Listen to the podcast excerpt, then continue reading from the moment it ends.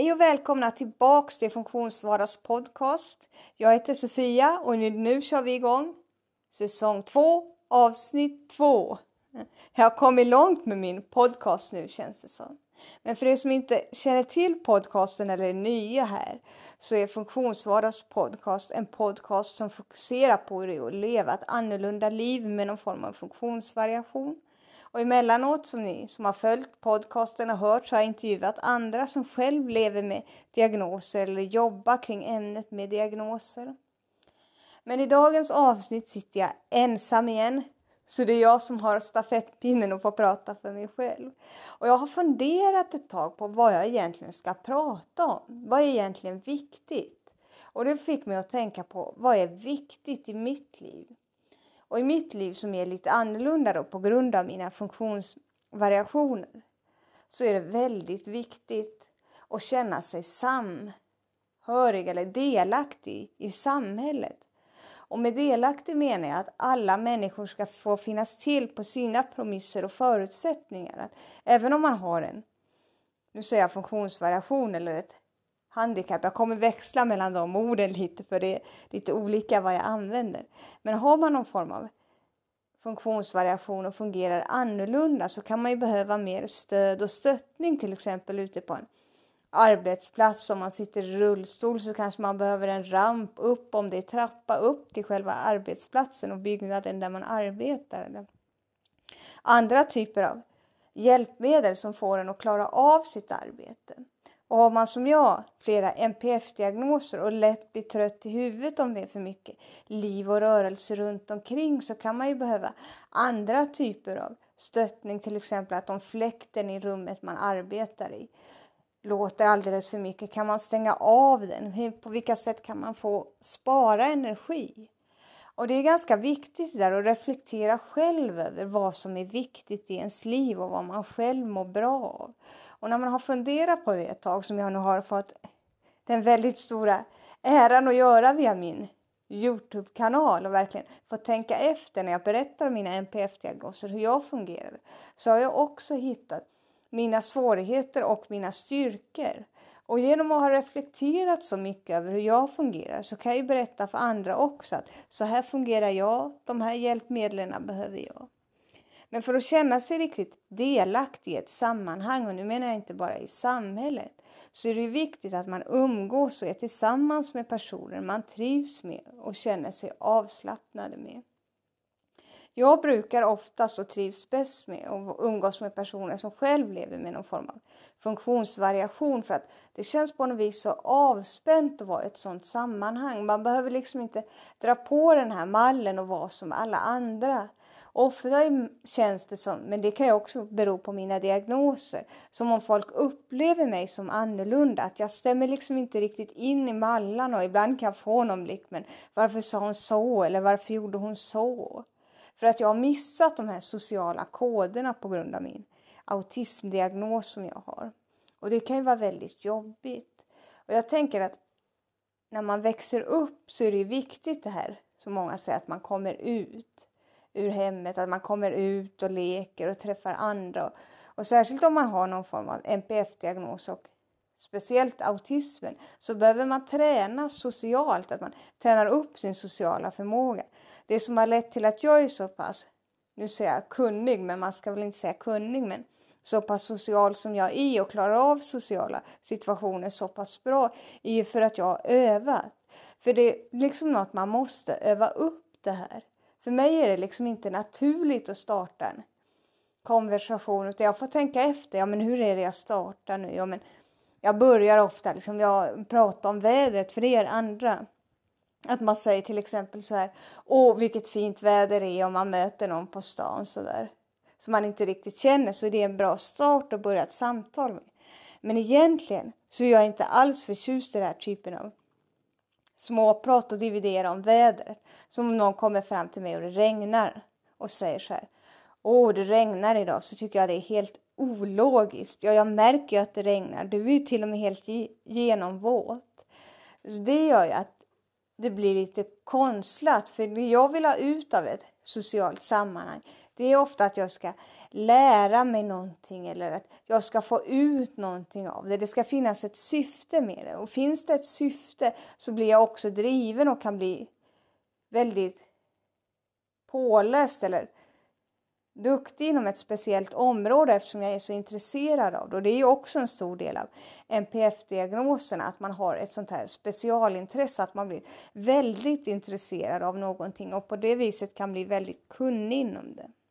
Men för att lite grann gå tillbaks till det här jag var på väg att prata om med ungdomar och det här att det är viktigt att göra saker utanför hemmet så kan ju det vara en sporre att hittar man någonting som ens ungdom är som har en NPF-diagnos är intresserad av så kan ju det vara en sporre att ja, men då kan du få testa på det här. Tycker du det är jätteroligt att måla? Ja, men tänk om du ska gå på kulturskolan då och måla eller om man själv lever med en NPF-diagnos och känner att oh, jag tycker det är jättekul som jag personligen gör och fotografera. Ja, men tänk om man kan gå en kurs då i fotografering. Och då hamnar man naturligt i ett socialt sammanhang. Det är andra barn där eller om man är vuxen och går på en kurs. Andra vuxna, alltså man får träna det här sociala. Plus det att man får ut det här som man är intresserad av. Jag får lära mig om fotografering, jag får lära mig mer om det jag är intresserad av. Och det kan också motivera en socialt, att det är inom de ramarna, för då vet jag ju vad jag ska prata om. Då blir det inget samtal om vädret, utan då blir det samtal om hur kameran fungerar eller Går man på fotboll så blir det samtal om fotbollsträningen. Det är ganska givet de här sociala mallarna vilket kan göra det skönt. Så det största liksom i mitt liv som jag gjorde det var 2013. Vad var jag då? Ja, jag var fortfarande ungdom på den tiden. Så hittade jag en lapp på habiliteringen där jag gick om att de skulle ha ett filmläger inte så långt från där jag bodde. Och jag hade fått hem innan på grund av mina diagnoser hem papper om att LSS anordnade sådana här sommarläger och andra också föreningar för folk med funktionsvariationer. Att man skulle komma och få roligt tillsammans och då Bland annat aktiviteter de kunde hitta på mig var bowling, fotboll, andra uteaktiviteter. Men jag kände mig aldrig riktigt lockad för det gick ju ut på att man skulle vara social. Och jag har aldrig varit riktigt sådär dragen till att vara social och har tyckt det var jobbigt. Men när jag hittade den här lappen om att de skulle ha ett filmläger som dessutom var anpassat för personer med någon form av funktionsvariation så nappar jag med en gång och min mamma säger fortfarande och tar upp det att det var stort eftersom jag varje år tackade nej till att vara med på sommaraktiviteter. Helt plötsligt kom hem med en lapp och sa Mamma, jag tänker anmäla mig till det här lägret på en hel vecka. Det var inte bara några dagar utan en hel vecka och bo hemifrån.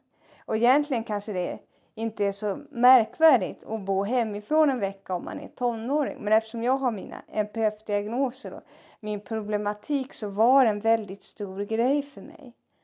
Men egentligen då eftersom jag var så motiverad så kändes det inte så motigt och svårt. Det var snarare roligt och det är det, de här filmlägren, för de har fortsatt sen, som har lett fram till att jag har startat upp min Youtube-kanal och fortsatt med film och fotografering.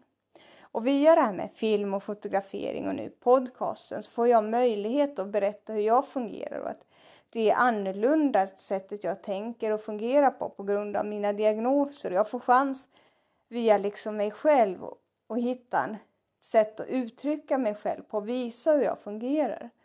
Och det betyder jättemycket för mig det här med min Youtube-kanal och podcast nu. Att det är folk som tittar och lyssnar och tar sig tid liksom. Och, lyssna på min historia och hur jag fungerar och ge positiv feedback. Det betyder jättemycket. Och det är det som är viktigt i ett, när man känner sig att man hör till i ett samhälle, att folk accepterar en för den man är och att man hittar en plats där man känner sig trygg. Jag har ju haft turen nu med hjälp av mina filmläger och i andra sammanhang att hitta platser och saker som har känts tryggt för mig och där jag har kunnat växa som människa. Men jag tycker ändå att det saknas i samhället den här platsen för personer som fungerar annorlunda. Vissa säger det, eller har jag hört påstå att alla ska inkluderas i samhället. Och det är ju det den här podcastavsnittet handlar om, att det är viktigt att bli inkluderad. Men att de som är nu inom situationstecken, ser jag inte att jag gör det, men som är handikappade eller fungerar annorlunda, ska ut i samhället genom att vara med andra som inte är handikappade. Och det tycker jag är fantastiskt. Alla ska få finnas till och på sina promisser och att man ska liksom, det ska inte spela någon roll om man har diagnos eller inte. Men jag tycker också, det är det punkten jag ska komma till, eller poängen är att att det ska finnas mötesplatser för de som lever med funktionsvariationer och mötas och kunna naturligt diskutera det här. För att på de här platserna som på mina filmläger och andra platser, nu har jag gått utbildning också, konstutbildning med andra som har funktionsvariationer. Mött folk som man har kunnat diskutera det här med. Men hur fungerar det för dig när du har din diagnos? Och hitta likheter och det som skiljer. Och det är ju också styrker en som människa att se att man inte är ensam om att leva med de här funktionsvariationerna. Och att man inte är så speciell som man tror, eller speciell menar jag liksom lite med negativ betoning då, för ofta kan jag känna att men jag är den enda som inte orkar så här mycket eller jag är den enda som upplever det här som svårt. Och jag får höra massa negativa kommentarer för att jag inte klarar av det här och är det fel på mig. Men när man möter andra som har upplevt samma sak och säger ja men jag har också den här problematiken så blir man ju själv bekräftad och växer som människa. Och nu har jag, tycker jag, växt så pass långt i min utveckling och jag har en lång väg att gå men att jag har accepterat att jag aldrig kommer bli som alla andra. Och att jag trivs i sammanhang med andra som också är inom ramarna annorlunda. Jag har liksom börjat acceptera mig själv för den jag är istället för att sträva efter att bli så lik som de som inte har diagnos. Jag har ju till en viss del tänkt att man måste anpassa sig och det måste man ju när man har en någon form av handikapp, jag som har flera NPF-diagnoser, till mallan och att man måste anpassa sig för att alla förstår ju inte vad de här diagnoserna innebär och hur det är att leva ett annorlunda liv. Att man måste liksom mer ja, koncentrera sig bättre, fokusera bättre, klara av massa saker i samhället som man egentligen inte gör. Att det är mitt ansvar som person liksom att ta tag i det där och utvecklas. Men faktum är att jag alltid kommer ha kvar mina diagnoser och någonstans så måste man inse själv att jag behöver inte pressa mig så hårt. Det är okej okay liksom att vara sliten och trött och det är okej okay att vara annorlunda. Och vara annorlunda, det är ju egentligen alla vare sig man har diagnos eller inte. Så jag tror det är det viktigaste i livet, det är det här att acceptera sig själv och liksom hitta en plats där man själv mår bra. Sen vad det är för plats och i vilket sammanhang, om det är med personer med funktionsvariationer eller utan eller vad man än gör spelar inte så stor roll. Huvudsaken är att man känner sig trygg och lycklig liksom i den platsen man befinner sig på. Men tyvärr så är det ju många i dagens samhälle som lever ja, ett ganska tufft liv som inte har den där tryggheten och stöttningen av samhället. Liksom. Man behöver ju mycket stöttning och det har jag haft tur att få. Så att jag har kunnat växa som människa så pass att jag har lärt mig att acceptera mig själv och mina svårigheter. Och det behöver man mycket stöttning med. Men tyvärr får inte alla den hjälpen och alla har inte möjlighet liksom att komma på ett sånt fantastiskt filmläger som jag var på som var anpassat eller hitta en plats där man mår bra i. Man brukar ju ofta säga, nu tänker jag på fritidsaktiviteter, hur viktigt det är att barn kommer ut och rör sig och kommer ut och tränar av någon form. Men hur lätt är det egentligen om man har någon funktionsvariation som säger raka motsatsen? För ofta kan det vara väldigt motigt där att är man och tränar till exempel efteråt så ska man duscha och många med NPF-diagnoser har jättesvårt där med med dusch, att de tycker det är obehagligt. Man tycker det är obehagligt att visa sig naken inför andra och är känslig för starka parfymer och dofter och många människor runt omkring och det är livligt och rörigt. Så det säger ju sig själv att just det här att byta om och duscha är svårt. Man ska komma ihåg att kunna passa tiden och kunna läsa av socialt samspel med de andra i laget. Det är helt enkelt mycket som är svårt med det här med fritidsaktiviteter som jag tycker samhället verkligen måste bli bättre på. Särskilt när man har ADHD som jag har så säger man att det är jätteviktigt att man kommer ut och rör på sig, att det är bra att hålla på med någon fysisk aktivitet. Men hur lätt är det egentligen om inte samhället är anpassat eller aktiviteten är anpassad?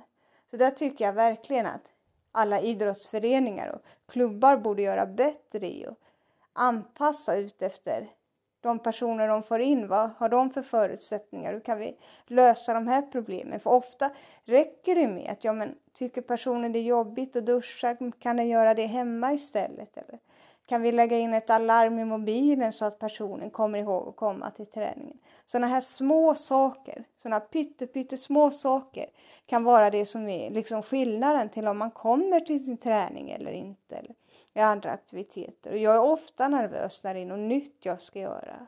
Så att, åh, oh, jag är orolig, men det kan vara någon sån här liten, liten grej som när jag sitter på bussen. Hur ska jag kunna kliva av bussen ordentligt, liksom med de här matkassarna i handen? Hur ska jag göra för att ta mig ner från bussen? Sådana här små, små saker. Om någon kunde liksom hjälpa ändå, ja men jag hjälper dig av eller i andra situationer, de här små grejerna, ta bort ångesten innan så mår man ju mycket bättre. Och det är ofta de här små grejerna som avgör om man klarar av saker i sin vardag eller inte. Men nu tänkte jag försöka ta avsluta det här podcastavsnittet. Jag känner själv att jag börjar bli lite hes i halsen. Det är lite pollen också ute nu och jag har märkt att jag börjar bli lite pollenkänslig så det är därför jag är lite hes i halsen också. Men jag tänkte avsluta det här podcastavsnittet och ge er som lyssnar en liten fundering och tänka efter. Det här spelar ju ingen roll om man har någon funktionsvariation eller inte. Men att börja fundera på vad som är viktigt i ditt liv. Vad gör att ditt liv fungerar och vad gör att det inte fungerar? Och när man har börjat fundera på det så hittar man ofta lösningen till problem och kanske aktivt börjar söka efter ett sammanhang där man mår bra i. Pressa dig inte att vara i en situation där du inte mår bra. Det gäller att kunna liksom acceptera sig själv för den man är och våga stå för den man är. Så jag hoppas att vi i framtiden, alla vi tillsammans, ni som lyssnar och jag, att vi ska jobba aktivt med att hitta oss själva och vad vi själva mår bra av och tillsammans kunna växa som människa. Men nu ska jag ta avsluta podcasten och tacka så jättemycket för att ni har lyssnat. Vi syns, eller syns säger man inte när det är podcast. Vi hörs nästa vecka. Ta hand om er. Hej!